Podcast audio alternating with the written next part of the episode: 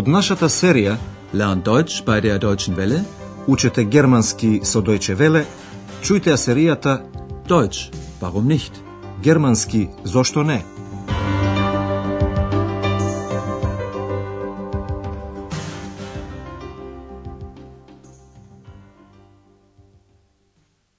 Liebe Hörerinnen und Hörer.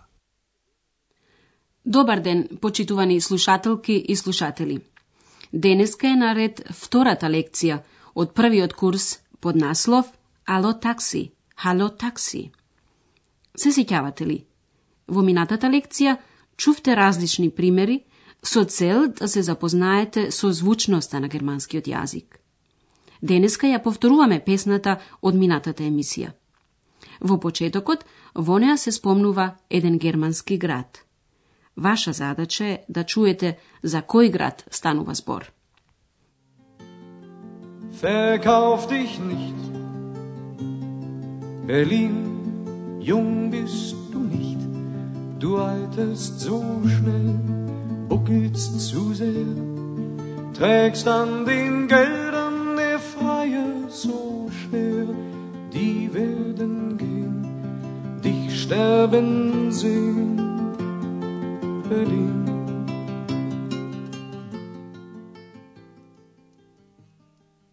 Андреас сега ќе ви го каже името на тој град.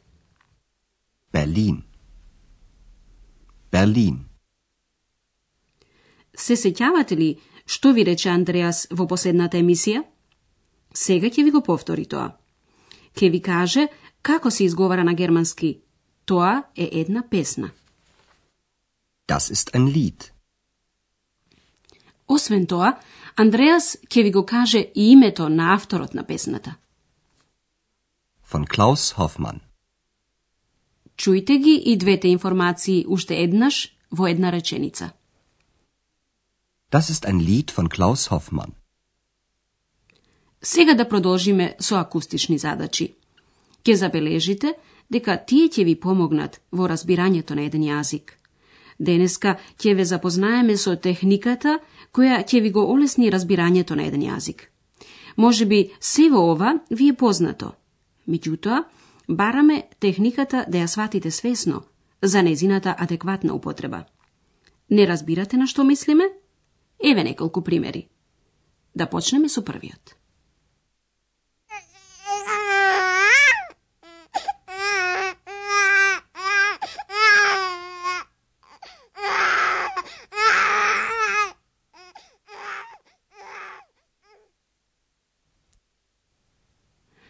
Секако дека веднаш забележавте, оти тука станува збор за бебе. Меѓутоа, дали сте во состојба да објасните зошто тоа веднаш го забележавте? Мошне едноставно. Го научивме и нема да го заборавиме никогаш. Нашиот ум таа информација ја чува како драгоценост. Без некое свесно реагирање сте во состојба да ја повикате информацијата. Вистина практично, нели? Тестирајте ја способноста уште еднаш во наредниот пример. Ваша акустична задача е да откриете за што станува збор и каде се одвива тоа действие. Eine Vorlage geben, dann abgespielt zu Breme. Breme, was macht er? Tor! 2 zu 0 durch Breme! Tor! Welt ein Tor! Ein italienisches Tor! Секако дека и тука забележавте дека станува збор за спортски настан, поточно речено за фудбалски надпревар. Во вашиот мајчин јазик веројатно ви текна зборот гол. Не забележавте само одреден шум, туку него веднаш го сортирате во покомплексна ситуација. Значењето на еден збор го одделувате од одредена ситуација, иако тој збор е непознат за вас. Чујте го следниот пример. Ваша акустична задача е да направите врска меѓу сценските шумови.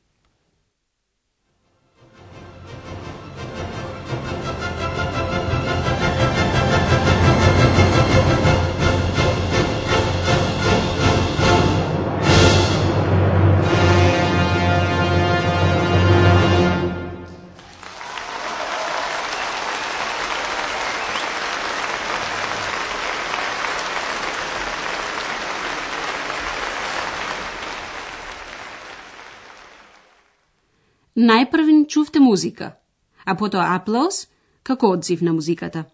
Музичарот е награден за неговата изведба. Овој пример е доведен во општа поврзаност. Нам ни е познат односот причина и последица. Ова сознание го користиме во различни примери. Во наредниве примери обрнете внимание на тонот, гласот на говорникот. Тој раскажува нешто за луѓето, например, дали се лути или весели. Не обрнувајте внимание на зборовите, туку на тонот.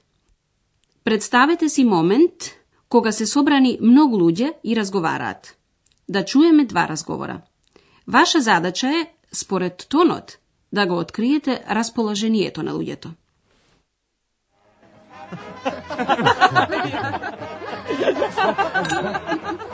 Hallo, da bist du ja. Wie geht's? Mensch, grüß dich.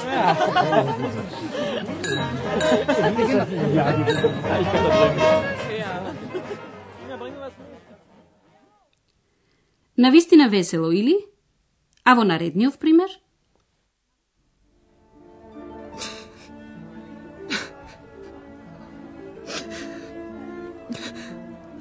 Und, Und dann habe ich gesagt. Was hast du gesagt? Ich. Also ich.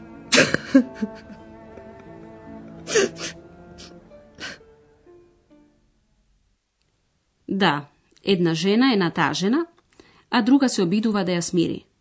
Sozna nije to, da li neko je natažen ili vesel, go imamo od. За истото станува збор и во наредниот пример. Ве молиме да обрнете внимание исто така и на зборовите. Ваша задача е да откриете за што станува збор во нареднава сцена. Hallo! Taxi!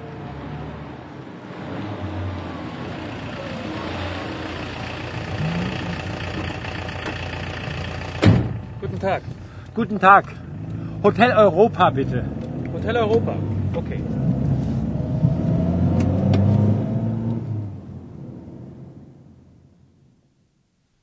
Дали ситуацијата ви е позната?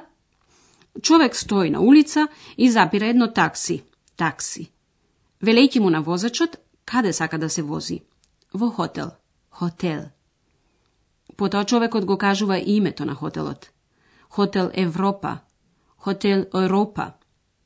Нашиот ум ја повикува програмираната ситуација за возење во такси. И веќе знаете за што станува збор. Уште нешто. Вие ја користите помошта на вашиот ум. Меѓутоа, токму тогаш кога се учи нов јазик, често не се користи наведената помош. Човек се обидува да разбере секој збор, а токму тоа е погрешно, бидејќи доаѓа до блокирање. Да се вратиме на случката со таксито. За подобро разбирање на случката, сигурно придонесуваат и зборовите, што се слични во многу јазици и означуваат исто. Овие зборови веројатно ви се познати од англискиот или францускиот јазик. Или пак од вашиот мајчин јазик? Обидете се оваа техника да ја искористите во еден покомплициран пример, како на пример во текстот на Кетеовиот Фауст, што го чувте во првата емисија на курсот. Па, кои зборови можевте да откриете, што веќе ви се познати од вашиот мајчин јазик или од други јазици? Habe nun, ach, Philosophie, Juristerei und Medizin und leider auch Theologie durchaus studiert. Дали ги откривте филозофија, филозофи, медицина, медицин, теологија, теологии? Веќе забележавте дека станува збор за научна тема. Се набројуваат различни гранки кои можат да се студираат. Штудиран. Habe nun, ach, Philosophie, Juristerei und Medizin und leider auch Theologie durchaus studiert. Дали се уште ви одзвонува гласот Ах, ах? Што мислите? Дали е Фауст среќен или несреќен за студиите? Да, тој е несреќен, а доказ за тоа е воздишката ах. Фауст се жали дека тој всушност студирал се, меѓутоа ништо не знае. Во продолжението на курсот, почитувани слушателки и слушатели, ќе се запознаете со нови техники кои ќе ви го олеснат разбирањето на еден јазик. Дали сте расположени на крајот да ги слушнете уште еднаш техниките кои ви помогнаа во разбирањето? Па да ги чуеме уште еднаш.